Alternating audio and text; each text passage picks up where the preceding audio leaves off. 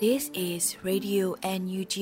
the voice of National Unity Government of Myanmar, broadcasting for Myanmar Spring Revolution. Radio NUG is transmitting from shortwave 16 meter 17.79 megahertz at 8:30 a.m. and 25 meter 11.94 megahertz at 8:30 p.m. Myanmar Standard Time. မင်္ဂလာပါရှင်။အမျိုးသားညီညွတ်ရေးအစိုးရရဲ့အတန်လွတ်ဌာန Radio NUG ကိုမန္တပိုင်း၈နိုင်ခွဲမှာလိုင်းတူ6မီတာ19.3 MHz နဲ့ညပိုင်း၈နိုင်ခွဲမှာလိုင်းတူ25မီတာ17.6 MHz တို့မှာဓာတ်ရိုက်ဖမ်းယူနားဆင်နိုင်ပါပြီရှင်။မင်္ဂလာအပေါင်းနဲ့ပြည့်စုံကြပါစေ။အခုချိန်ကစပြီး Radio NUG စီစဉ်လေးကိုဓာတ်ရိုက်အတန်လွှင့်ပေးနေပါပြီ။ မြန်မာနိုင်ငံသူနိုင်ငံသားအပေါင်းတဘာဝပြီးဆေးရနာရှင်ပေတို့ကနေကင်းဝေးပြီးကိုစိတ်နှစ်ပါးဘေးကင်းလုံခြုံကြပါစေလို့ရေဒီယိုညူဂျီဖွဲ့သားများကဆုတောင်းမြတ်တာပို့သလာရပါတယ်ရှင်။အခုချိန်ကစပြီးကာကွယ်ရေးဝန်ကြီးဌာနရဲ့စီရေးသတင်းချင်းချုပ်ကိုတော့ຫນွေဦးလင်ကဖက်ကြားတင်ပြပေးပါတော့မယ်ရှင်။ ကာကွယ်ဝင်ကြီးဌာနအမျိုးသားညီညွတ်ရေးဆိုရမှာအောက်တိုဘာလ9ရက်နေ့2023ခုနှစ်ထုတ်ဝေတဲ့စီရေးသတင်းချင်းချုပ်ကိုတင်ဆက်ပေးတော့မှာဖြစ်ပါတယ်။ရန်သူတပ်သားတေဆုံးမှုရည်အတွက်နဲ့ဒဏ်ရာရရှိသူရည်အတွက်ကိုစုံစမ်းနေစေဖြစ်ကြောင်းသတင်းရရှိပါရခင်ဗျာ။အာနာသိန်းချမ်ဖက်စစ်တပ်နဲ့တိုက်ပွဲဖြစ်ပွားမှုသတင်းတွေကိုတင်ဆက်ပေးကြပါမယ်။စကိုင်းတိုင်းမှာအော်တိုဘာလ၄ရက်နေ့ည9:30မိနစ်အချိန်ခန့်မှာရှေပူမြို့နယ်တီးလုံးရွာရှိပြူစောတိအထိုင်စခန်းကို ဗိုလ်မိကျောင်းဖွဲ့သူရွှေဘူပြည်သူ့လုံခြုံရေးအဖွဲ့ရွှေဘူဖက်ဒရယ်အာမီဒေါင်းမန်ရွှေဘူစွန်ရဲမဟူယာရွှေဘူတာ I Force I HD Fighter ဘိုမဟာဒေါင်းစစ်တီ Apple 7 MDF ရွှေဘူရွှေဘူအာမန် Flying Dragon Force ဘိုလင်းရောင်ဒါပါယာတို့ကလက်လုံ60မမနဲ့ပြစ်ခတ်တိုက်ခိုက်ခဲ့ကြောင်းသတင်းရရှိပါရခင်ဗျာ။ မကွေးတိုင်းမှာအောက်တိုဘာလ၄ရက်နေ့မနက်၈ :50 မိနစ်မှ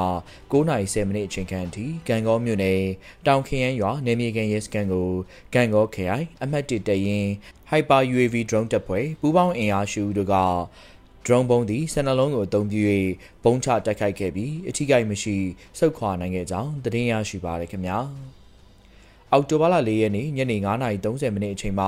8:30မိနစ်အထိကံကောမြို့နယ်တောင်ခရမ်းရွာနေမြေကန်ရန်စကန်မှထွက်လာတဲ့ရန်သူတပ်နေပြူစောတိပူပေါင်းအင်အား20ဦးခန့်ကိုကံကောခရိုင်အမှတ်1တရင်အမှတ်1ခွန်17 12 14တရင်ပကဖပူပေါင်းတို့ကပြစ်ခတ်တိုက်ခိုက်ခဲ့ပြီးထိခိုက်မှုမရှိပြန်လည်ဆုတ်ခွာခဲ့ကြောင်းသတင်းရရှိပါရခင်ဗျာ။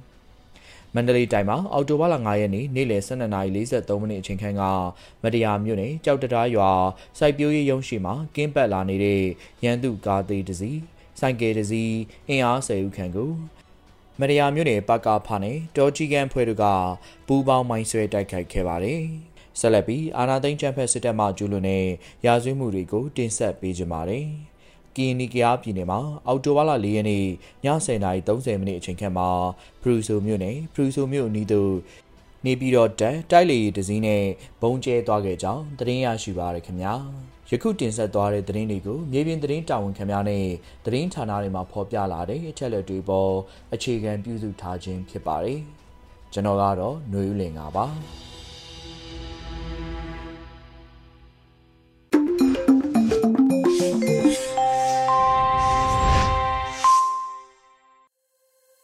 ရေဒီယိုညူးချီရဲ့မနက်ခင်းစီစဉ်တွေကိုဆက်လက်တင်ပြနေပါတယ်။အခုဆက်လက်ပြီးပြည်တွင်းသတင်းများကိုလွေဦးမိုင်မှဖတ်ကြားတင်ပြပေးပါတော့မယ်ရှင်။မင်္ဂလာမနက်ခင်းပါရှင်။အခုချိန်ကစပြီး2023ခုနှစ်အောက်တိုဘာလ6ရက်နေ့မနက်ခင်းပြည်တွင်းသတင်းများကိုဖတ်ကြားပေးပါတော့မယ်။ကျွန်မကတော့နှွေဦးမိုင်ဖြစ်ပါတယ်ရှင်။ ပထမဆုံးသတင်းအနေနဲ့စစ်အာဏာရှင်တွေဟာရုပ်ပိုင်းဆိုင်ရာအကြမ်းဖက်ဖျက်ဆီးမှုတွေကိုပါတွန်းပြင်းလှုပ်ဆောင်လာတာကိုတွေ့ရှိရတဲ့သတင်းကိုတင်ပြပေးပါမယ်။စစ်အာဏာရှင်တွေဟာရုပ်ပိုင်းဆိုင်ရာအကြမ်းဖက်ဖျက်ဆီးမှုတွေကိုဟာတွန်းပြင်းလှုပ်ဆောင်လာတာကိုတွေ့ရှိရလို့ကမ္ဘာ့စီယာများနဲ့ခန္ဓာမှာယာယီသမရဒူဝါလရှိလာကပြောပါရယ်။ စစစ်အာဏာရှင်တွေဟာကျွန်တော်တို့နိုင်ငံနဲ့လူအဖွဲ့အစည်းရဲ့အတွေးခေါ်တွေစံတန်ဖိုးတွေကိုစနစ်တကျဖျက်ဆီးဖို့လွှမ်းမိုးချုပ်ကင်ဖို့ပညာရေးကိုအစစ်အဆက်သုံးချခဲ့ရုံသာမက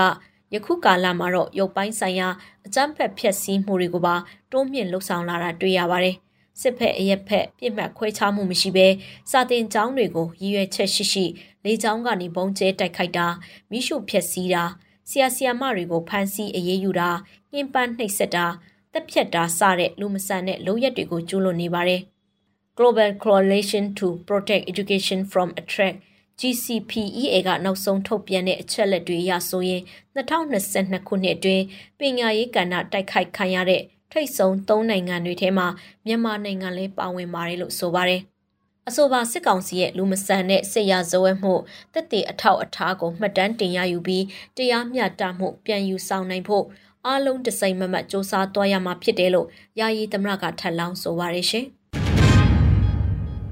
ဆက်လက်ပြီးဂျာကာလာဒေသန္တရပြည်သူ့အုပ်ချုပ်ရေးဖော်ဆောင်မှုဗဟိုကော်မတီအစည်းအဝေးပြည်တော်စုဝင်ကြီးချုပ်မောင်ဝင်းခိုင်တန်းတက်ရောက်တဲ့တဲ့ရင်ကိုတင်ပြပါမယ်။အမျိုးသားရင်ငွေရေးအစိုးရဂျာကာလာဒေသန္တရပြည်သူ့ချုပ်ရေးဖော်ဆောင်မှုဗဟိုကော်မတီအစည်းအဝေးအမှတ်စဉ်40မြင်းဆောင်2023ကိုအောက်တိုဘာ9ရက်မှာကျင်းပခဲ့ပြီးဂျာကာလာဒေသန္တရပြည်သူ့ချုပ်ရေးဖော်ဆောင်မှု ဗဟိုကော်မတီဥက္ကဋ္ဌပြည်ထောင်စုဝန်ကြီးချုပ်မန်ဝင်းခိုင်တန်းမှတက်ရောက်၍အဖွဲ့မှစကားပြောကြားခဲ့ပါတယ်။ဆက်လက်ပြီးတက်ရောက်လာကြသောဂျာကာလဒေသန္တရပြည်သူ့ချုပ်ရေးဖော်ဆောင်မှုဗဟိုကော်မတီအဖွဲ့ဝင်များမှ39မြင်းဆောင်2023တွင်ချမှတ်ထားသောဆုံးဖြတ်ချက်ရှေ့လုပ်ငန်းစဉ်များနှင့်ပတ်သက်၍ပြီးစီးမှုအခြေအနေများနှင့်ဆက်လက်ဆောင်ရွက်ရန်ကြံရှိနေသည့်လုပ်ငန်းစဉ်များကိုချပြရှင်းလင်းပြီးတက်ရောက်လာသောတာဝန်ရှိသူများမှအကျေတဝင့်ဆွေးနွေးခဲ့ကြပါသည် အစည်းအဝေးသို့ပြည်ထောင်စုဝန်ကြီးချုပ်မောင်ဝင်းခိုင်သားမှဦးဆောင်ကပြည်ထောင်စုဝန်ကြီးများဒုတိယဝန်ကြီးများအမြဲတမ်းအတွင်းဝင်များတွဲဖက်အမြဲတမ်းအတွင်းဝင်များဌာနဆိုင်ရာများမှတာဝန်ရှိသူများတက်ရောက်ခဲ့ကြရလို့တင်ရရှိပါရရှင်စစ်ကြုံပညာရေးပဟိုဦးစီးပညာရေးကနေ Federal Democracy ပညာရေးကိုပြောင်းလဲတော့မှာဖြစ်တယ်လို့ပြည်ထောင်စုဝန်ကြီးဒေါက်တာဇော်ဝေစုအသိပေးတဲ့သတင်းကိုဆက်လက်တင်ပြပါမယ်။ အောက်တိုဘာလ9ရက်မှာကြာရောက်တဲ့ကမ္ဘာဆရာများနဲ့အထိန်အမှတ်အခမ်းအနားတွင်ပြည်တော်စုဝင်ကြီးဒေါက်တာဇော်ဝေဆိုးမှစစ်ကြုံပညာရေးဗဟိုဦးစီးပညာရေးကနေ Federal Democracy ပညာရေးကိုပြောင်းလဲတော့မှာဖြစ်တယ်လို့ပြောကြားလိုက်ပါတယ်။ရခိုင်စစ်ကြုံပညာရေးဗဟိုဦးစီးပညာရေးကနေ Federal Democracy ပညာရေးကိုပြောင်းလဲတော့မှာဖြစ်ပါတယ်။ပြောင်းလဲတော့မယ့်အခါမှာဆရာဆရာမများရဲ့အခန်းကဏ္ဍပညာရေးအခန်းကဏ္ဍဟာတိတ်ကိုအရေးကြီးပါတယ်။ တကယ့်ဖက်ဒရယ်ဒီမိုကရေစီပညာရေးစနစ်ကိုဆရာဆရာမများကတကယ့်အရေးအတွေ့ရောအရေးအချင်းရောပြည့်မီစွာနဲ့ပြောင်းလဲကြရမှာဖြစ်ပါတယ်။ဖက်ဒရယ်ယူနစ်တိုင်း unit တိုင်းမှာတနိုင်ငံလုံးအရေးအတွက်နဲ့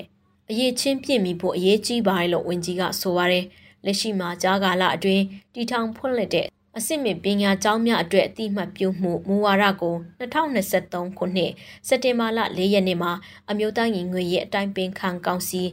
UNCC ကအတည်ပြုပြဋ္ဌာန်းခဲ့ပါတယ်ရှင်။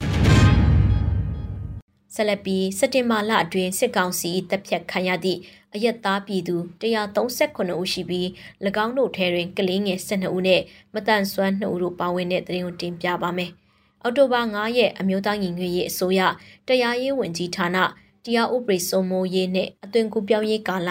တရားမျှတမှုဆိုင်ရာဦးစီးဌာနမှစက်တင်ဘာလအတွင်းစစ်ကောင်စီတပ်ဖြတ်ခံရသည့်အယက်သားပြည်သူ139ဦးရှိပြီး၎င်းတို့ထဲတွင်ကလေးငယ်12ဦးနဲ့မတန်ဆွမ်း2ဦးတို့ပါဝင်ပါတယ်လို့အသိပေးထုတ်ပြန်လိုက်ပါတယ်။2023ခုနှစ်စက်တင်ဘာလအတွင်းစစ်ကောင်စီတပ်ဖြတ်ခံရသည့် အယက်သားပြည်သူ138ဦးရှိပြီး၎င်းတို့ထဲတွင်ကလေးငယ်12ဦးနဲ့မတန်ဆွမ်း2ဦးတို့ပါဝင်ကအများဆုံးတပ်ဖြတ်ခံရသည့်နေရာများမှာစကိုင်းတိုင်းမကွေးတိုင်းတနင်္သာရီပဲခူးတိုင်းတို့ပါဝင်ပါတယ်။ဒါအပြင်စက်တင်ဘာလအတွင်းအိုးအိမ်ပေါင်း942လုံးကိုစစ်ကောင်စီကမိရှုဖျက်ဆီးခဲ့ပြီး၎င်းတို့ထဲတွင်ဘာသာရေးအဆောက်အုံ9လုံးနဲ့စာတင်ကျောင်း9ကျောင်းတို့ပါဝင်ခဲ့ပါတယ်။တရားရေးဝန်ကြီးဌာန တရားဥပဒေစိုးမိုးရေးနဲ့အသွင်ကူးပြောင်းရေးကာလတရားမျှတမှုဆိုင်ရာဦးစီးဌာနသည်စစ်အာဏာသိမ်းမှုဖြစ်စဉ်ကာလတွင်စစ်အာဏာရှင်များမှကျူးလွန်နေသည့်စစ်ရာဇဝဲမှုများလူခွင့်ရေးချိုးဖောက်မှုများလူမျိုးတုံးသက်ဖြတ်မှုများအများပြည်သူ၏အိုးအိမ်အဆောက်အဦမိရှုဖျက်ဆီးမှုများ ဥပဒေမဲ့အများပြည်သူတို့၏ပျက်စီးများအားလူယူသိမ်းယူမှုများအပါအဝင်ပြည်သူအချင်းချင်းဥပဒေမဲ့ငင်းပန်းနှိပ်စက်အနိုင်ကျင့်မှုများအရရက်သောဥပဒေမဲ့ချိုးဖောက်ကျူးလွန်မှုများစသည်တို့ကိုစည်ရင်ကောက်ယူမှတ်တမ်းများထားရှိပြုစုလျက်ရှိနေပါရရှင်။3လတာကာလအတွင်းစစ်စင်ရေး9ကြိမ်တိတိဖော်ဆောင်ခဲ့ရာရန်သူ28ဦးသေဆုံးက40ဦးတန်းရရရှိရလို့ဒေါနာစစ်ကြောင်းအတီးပြုတ်တဲ့သတင်းကိုဆက်လက်တင်ပြပါမယ်။ 3လတာကာလအတွင်းစစ်စင်ရေး9ကြိမ်တိတိဖော်ဆောင်ခဲ့ရမှာရန်သူ28ဦးသေဆုံးက40ဦးတန်းရရရှိရလို့ဒေါနာစစ်ကြောင်းအတီးပြုတ်ဆိုပါတယ်။မိမိတို့ဒေါနာစစ်ကြောင်းအနေဖြင့်နေမြေတစ်တွင်နေမြေခံမဟာမိတ်များနဲ့ပူးပေါင်းကနေမြေတစ်ပြောင်းရွှေ့မှု3လအတွင်းစစ်စင်ရင်9ကြိမ်တိတိဖော်ဆောင်ခဲ့ပါတယ်။ရန်သူတေဆုံးသူစုစုပေါင်း28ဦး၊ဒဏ်ရာရရှိသူ40ဦးရှိခဲ့ပါတယ်။ထုံနှုတ်အင်အားများကိုချင်းချောက်ဟန်တားနိုင်ခဲ့ပါတယ်လို့ဆိုပါတယ်။ စစ်ကောင်စီမတရားသောအမိန့်ကိုလက်မခံဘဲပြည်သူ့ဗတ်တော်သားများဖက်သို့ကုပြောင်းပူပေါင်းလာလင်လဲအကအကွယ်နဲ့အခွင့်အရေးများ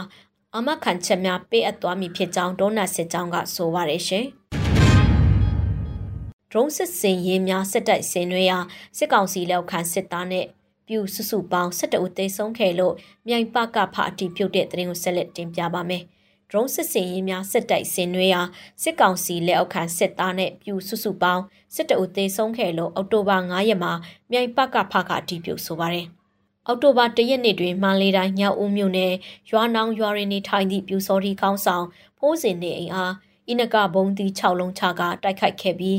နောက်ဆုံးတစ်ခေါက်တွင်ရင်ငယ်ပါချပြီးအကြကွဲခဲ့တယ်လို့ဆိုပါတယ်။ အောက်တိုဘာ2ရက်နေ့တွင်ပခုတ်ကိုခရိုင်အရာတော်ရေနံမြေရှိစစ်ကောင်စီတပ်ဆွဲနေရအား drone အကြီးဖြင့်အင်နဂါဘုံတီအလုံး20ချက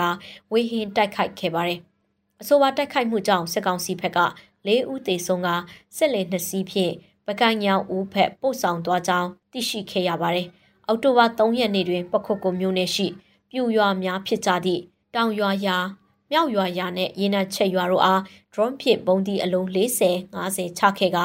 ဝေဟင်တက်ခိုက်ခဲ့ရာစစ်ကောင်စီဘက်ကအသေးပြောက်မရှိဘဲအထိခိုက်များသောကြောင့်စခန်းထံရစိတ်ခွာတို့ကားများဖြင့်ခေါ်ဆောင်သွားသည်ဟုသတင်းသိရှိခဲ့ရပါတယ်။အောက်တိုဘာလ၄ရက်နေ့တွင်မူမကွေတိုင်းဒေသကြီးဝါစီကျေးရွာအနီးရှိစစ်စေးရေးဂိတ်အားအင်နဂါဘုံတီအလုံး20ချကတိုက်ခိုက်ခဲ့မှုကြောင့်စစ်ကောင်စီ2ဦးသေဆုံးကြောင်းသိရှိခဲ့ပါတယ်။ အဆိုပါတိုက်ခိုက်မှုများအားမြ UAV Fighter Drone တပ်ဖွဲ့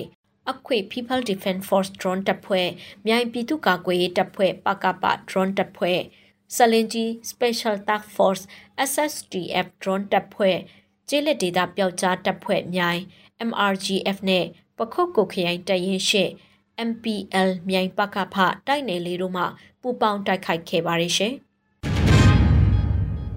မြိုင်မြို့နယ် ကနေပြူရွာအားမီးလောင်ပုံအင်းနကာချ၍တိုက်ခိုက်ခဲ့ရာအင်းနကာပောက်ကွဲခြင်းကြောင့်ပြူတအူသေဆုံးတဲ့တဲ့ရင်ကိုနောက်ထပ်တင်ပြပါမယ်။မြိုင်မြို့နယ်ကနေပြူရွာအားမီးလောင်ပုံအင်းနကာချ၍တိုက်ခိုက်ခဲ့ရာအင်းနကာပောက်ကွဲခြင်းကြောင့်ပြူတအူသေဆုံးခဲ့ပါတယ်။အောက်တိုဘာ9ရက်မှာစစ်ရေးတဲ့ရင်ကို PKUN PDF ကအတည်ပြုပါတယ်။အောက်တိုဘာ4ရက်မြိုင်မြို့နယ်ကနေပြူရွာအား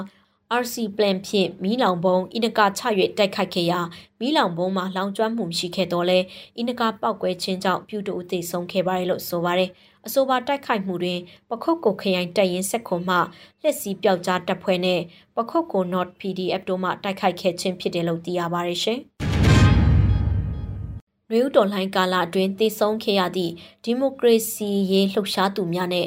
ပြည်သူစုစုပေါင်း4142ဦးထိရှိလာတဲ့တဲ့ရင်ကိုနောက်ဆုံးတင်ပြပေးပါမယ်။လူဦးတော်လှန်ကာလအတွင်းတည်ဆုံခဲ့ရသည့်ဒီမိုကရေစီရဲ့လှုပ်ရှားသူများနဲ့ပြည်သူစုစုပေါင်း4142ဦးထိရှိလာပါတယ်။အောက်တိုဘာ9ရက်မှာစစ်အာဏာသိမ်းပြီးနောက်လက်တလောဖြစ်ပေါ်လှည့်ရှိသောအခြေအနေများနဲ့ပတ်သက်၍ AAPP ကအသိပေးဆိုပါရယ်2021ခုနှစ်ဖေဖော်ဝါရီလ1ရက်နေ့မတရားစစ်အာဏာလုမှုဖြစ်စဉ်စတင်ချိန်မှ 2023ခုနှစ်အောက်တိုဘာလ9ရက်နေ့ထိအကြမ်းဖက်စစ်အုပ်စုနဲ့၎င်း၏လက်ပါဆင်များကြောင့်နှွေဦးတော်လှန်ကာလအတွင်းတည်ဆုံခဲ့ရသည့်ဒီမိုကရေစီရေးလှုပ်ရှားသူများနဲ့ပြည်သူစုစုပေါင်းမှ4142ဦးရှိခဲ့ပြီးဖြစ်တယ်လို့ဖော်ပြပါရယ်။ AAPP အနေဖြင့်အတည်ပြုရန်လိုအပ်နေသည့်အမိဆုံးဆန်းဆဲတက်ဖြတ်ခံရသူ450ဝန်းကျင်စည်ရင်ကိုလည်းတီးခြားပြုစုထားတယ်လို့ဆိုပါရယ်။ ထို့ပြင်မတရားအာဏာလုမှုဖြစ်စဉ်နဲ့ဆက်ဆက်၍ဖမ်းဆီးခံခဲ့ရသူစုစုပေါင်း2548ဦးရှိပြီးထို့အထဲမှ19662ဦးမှာထိမ့်သိမ်းခံနေရဆဲဖြစ်ကထိမ့်သိမ်းခံနေရသူများအနက်မှ9664ဦးမှာထောင်ဒဏ်ချမှတ်ခြင်းခံထားရပါတယ်ရှင်။အခုတင်ပြခဲ့တဲ့သတင်းတွေကို Radio UNG သတင်းထောက်မင်းတီဟန်ကပေးပို့ထားတာဖြစ်ပါတယ်ရှင်။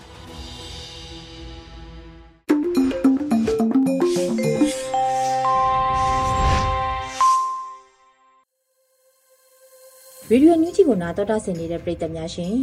အခုဆက်လက်ပြီးနားဆင်ကြရမှာကတော့တော်လှန်ရေးကြပြအနေနဲ့ကိုအောင်မိုင်းရေးသားပြီးနှွေဦးမှုရွတ်ဖက်ထားတဲ့တောချောင်းဆရာလို့အမည်ရတဲ့တော်လှန်ရေးကြပြကိုနားဆင်ကြရတော့မှာဖြစ်ပါတယ်ရှင်တောချောင်းဆရာကျောင်းဆရာနှစ်ယောက်အချစ်တွေနဲ့ချစ်အိမ်ဆောက်ပီတိကိုစားဒုလင်မယားစိုက်လို့ရတာအကုန်စားမွေးလို့ရတာ အကုန်ရောင်းလွှေးလိုက်တမငပိထောင်းဟောင်းလောင်းဘဝတည်နေကြဆရာတပည့်တန်းကြီးဖို့မလို့ဒီနေ့ပါဟင်းမေးကြည့်ဖို့မလို့တပည့်အဖေပိုက်ချလေးမှမျော်လိုက်ရရှာဆရာကြီးခမညာဆရာကြီးဖို့ဟင်းစားပြုတ်တန်နဝင်ပီယံမိုးကောင်းတင်ထန်ခုံပြန်ထွက်သွားတကြားမင်းကြားပါစား ပီတိကိုစားမလွယ်ပါလားတောเจ้าဆရာငါကွငါရွာမင်္ဂလာဆောင်မြတ်များဆောင်ရင်ဆရာကြီးကောင်းခိုက်လက်ကုံခိုက်မှာဆရာမခမညာရွာအလေသွားနည်းနည်းမြတ်များချေးတာများဗျာကျွေးတင်ရင်ဘယင်ဆက်ပေါ်ခတ်တာကဘယင်ကိုယ်တိုင်ကျွေးထူနေတဲ့ခစ်ပြက်လကထုတ်ရက်မြို့ကိုတက်တောเจ้าဆရာတွေစုံတဲ့ရက်အဲ့ဒီနေ့ရက် BE ဈေးတက်စားတောက်ဆိုင်တွေပြေလို့နံတောကျောင်းဆရာတွေပြုံးနေရက်ရွာပြန်အလားလာစာမပါအမိထံမှာနည်းနည်းချေနောက်လပြန်ဆက်မယ်တော့အမေအမိကြွေးကဆက်လို့မကုန်ရင်ကြွေးနောက်ကြွေးပတ်ချာရေးလျှော်ပေးလိုက်ရတောကျောင်းဆရာဘဝကျောင်းဖွင့်စမှာကျောင်းသားလေးကြက်တကောင်လက်ဆောင်ပေး ပူဆူးမလို့ဆရာမနာမည်ပေးပူဆူးမကမွေးလိုက်တာသားသမီးမြင်းမြင့်စုံလို့ပါတနေ့ကြော်ကြာကြက်များစွာကြက်ချံတစ်ခုစောက်ကြကငွေလိုပီဆိုကြက်တွေရောင်ကျွေးဟောင်းဆက်လို့ကျွေးတစ်ပြောင်းဟောင်းလောင်ဘဝဟောင်းလောင်ကွဒီနေ့စာတင်နတ်ဖြန်ထမင်းရှိတပည့်အပေါင်းသူတော်ကောင်းတွေဂျေဇုရှင်တွေထမင်းရှင်တွေတတ်တော်ရကြော ရှေကြပါစေဆရာတို့ဘဝပူကြသလားမေးမပူရေးချဆရာမရှိရင်ဘာမှမပူပူစရာရှိရင်ဆရာမပူလိုက်မယ်။အော်မွေးမိခင်အမေပေးရင်သူသာအားထရသခင်မသခင်ဆရာသခင်ဆိုသူရဲ့သခင်ဂျေဇုရှင်ပါပဲတတိတရလွမ်းရပါပကောတောเจ้าစီကတခါကချစ်တဲ့ဆရာမ ကိုအောင်မ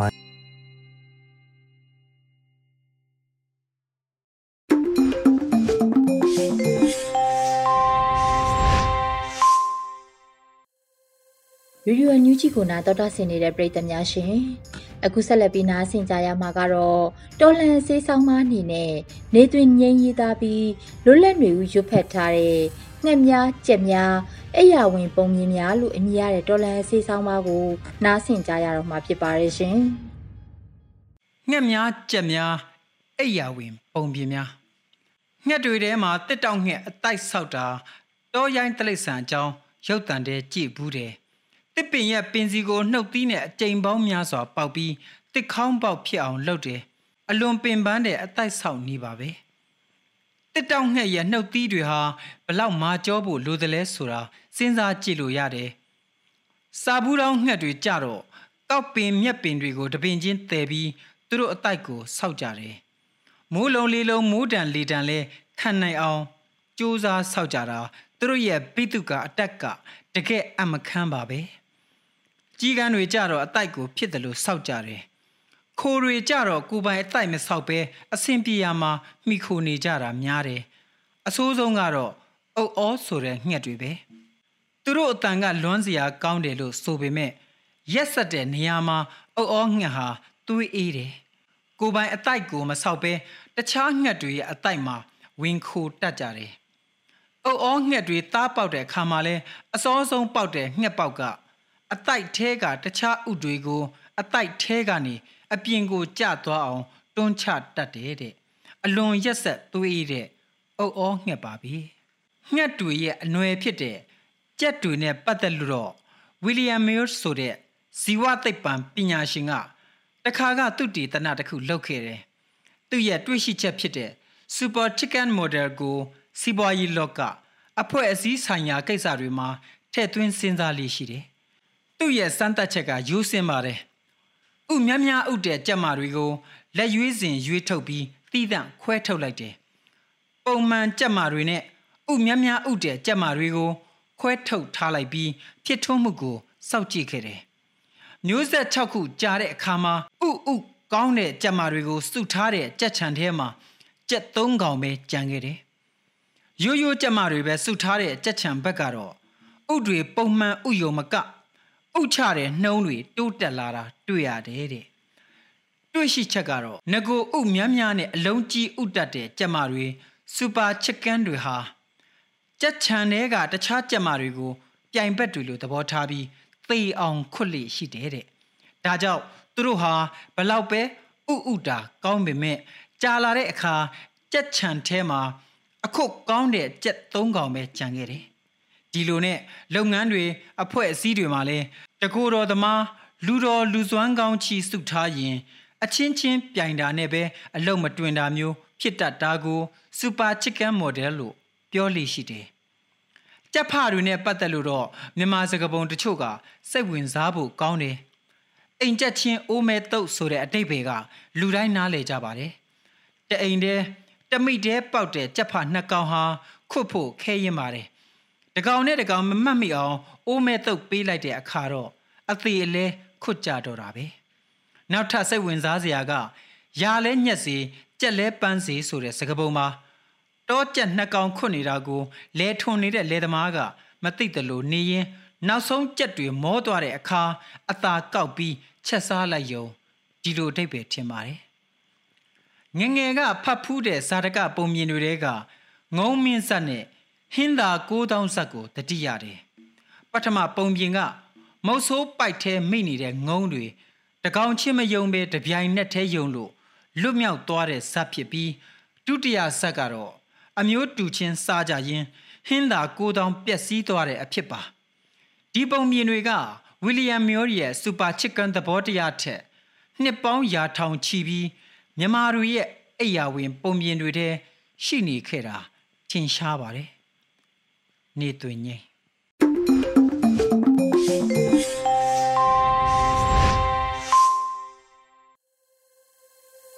တော်ရရှိများရှင်အခုဆက်လက်ပြီး PPTV ရဲ့နေ့စဉ်သတင်းတွေကိုတော့ Rain မှဖက်ကြားတင်ပြပေးပါတော့မယ်ရှင်အခုချိန်ကစပြီး PPTV သတင်းတွေကိုတင်ဆက်ပေးတော့မှာပါကျွန်မရိမပ ထမဆုံးတင်ဆက်မှာကမုံရွာစီးပွားရေးတက္ကသိုလ်အနီးကအကြံဖတ်စစ်တပ်ရဲ့စစ်ဆေးရေးဂိတ်ကိုမုံရွာ PDF တွေကအလစ်အငိုက်ဝင်ရောက်ပစ်ခတ်ရာ၄ဦးသေဆုံးတဲ့တရင်မောင်စကိုင်းတိုင်းမုံရွာအရတော်လမ်းပိုင်းမုံရွာစီးပွားရေးတက္ကသိုလ်ဇလုတ်အဝိုင်းပတ်အနီးကအကြမ်းဖက်စစ်ကောင်စီရဲ့စစ်ဆေးရေးကိတ်ကိုအလစ်အငိုက်ဝင်ရောက်ပစ်ခတ်ရာလေးဦးသေဆုံးခဲ့တယ်လို့မုံရွာခရိုင်ပြည်သူ့ကာကွယ်ရေးတပ်မတော် Children Attack Force ကအောက်တိုဘာ၄ရက်မနေ့ကထုတ်ပြန်ပါတယ်။အဲ့ဒီအကြမ်းဖက်စစ်ဆေးရေးကိတ်ကိုအောက်တိုဘာ3ရက်ညနေ6နာရီဝန်းကျင်မှာစတင်ကအလစ်အငိုက်ဝင်ရောက်ပစ်ခတ်တိုက်ခိုက်ခဲ့တာဖြစ်ပြီးစစ်ဆေးရေးကိတ်အတွင်းကအကြမ်းဖက်စစ်သား၄ဦးတုတ်တင်နိုင်ခဲ့က2ဦးထိခိုက်ဒဏ်ရာရရှိခဲ့တယ်လို့အသိပေးထုတ်ပြန်ပါတယ်။ တိုက်ပွဲအတွင်းအကြမ်းဖက်စစ်တပ်ဘက်ကပြန်လည်ပစ်ခတ်မှုတွေကြောင့်ပြည်သူရဲဘော်2ဦးထိခိုက်ဒဏ်ရာရရှိခဲ့ပါတယ်။အဆိုပါစစ်စင်းရေးကိုမုံရွာခရိုင်ပြည်သူ့ကာကွယ်ရေးတပ်မတော် Children Attack Force တပ်ရင်းလေးတပ်ခွဲ1 Spring Top မုံရွာခရိုင်တပ်ရင်း2တပ်ခွဲ3 NPRF မုံရွာခရိုင်အမှတ်20ခွန်တပ်ရင်းတပ်ခွဲ1မုံရွာခရိုင်အမှတ်20ခွန်တပ်ရင်းတပ်ခွဲနဲ့ တန်လောက်ဝေး Defense Force နဲ့မုံရွာ Special Date Date Zero ကပူပေါင်းလှုပ်ဆောင်ခဲ့တာပါ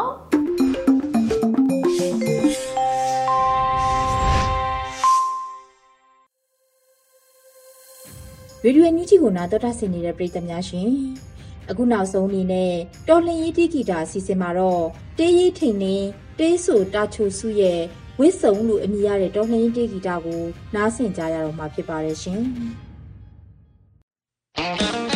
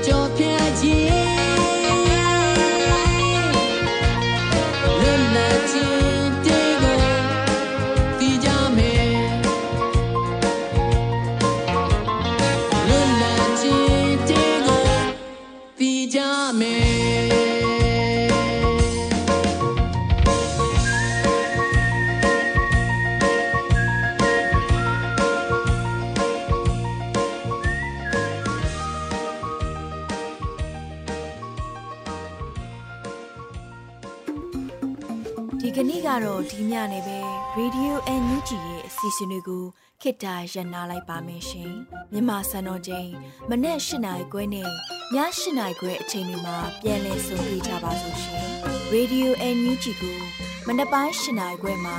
လိုင်းတူ16မီတာ19.7ခုကူမဂါဟတ်နဲ့ညပိုင်း၈နိုင်ခွဲမှာလိုင်းတူ25မီတာ17.6မဂါဟတ်တို့မှာဓာတ်ရိုက်ဖမ်းယူနားဆင်နိုင်ပါပြီရှင် မြန်မာနိုင်ငံသူနိုင်ငံသားများကိုစိတ်နှဖျားစမ်းမချမ်းသာလို့ဘေးကင်းလုံခြုံကြပါစေလို့ Radio NUG ရဲ့ဖွဲ့သူဖွဲ့သားများကဆုတောင်းလိုက်ရပါတယ်။ San Francisco Bay Area အခြေဆိုင်မြမမိသားစုများနဲ့နိုင်ငံတကာကစေတနာရှင်များလို့အားပေးကြရဲ့ Radio NUG ဖြစ်ပါတယ်ရှင်။အရေးတော်ပုံအောင်ရမည်။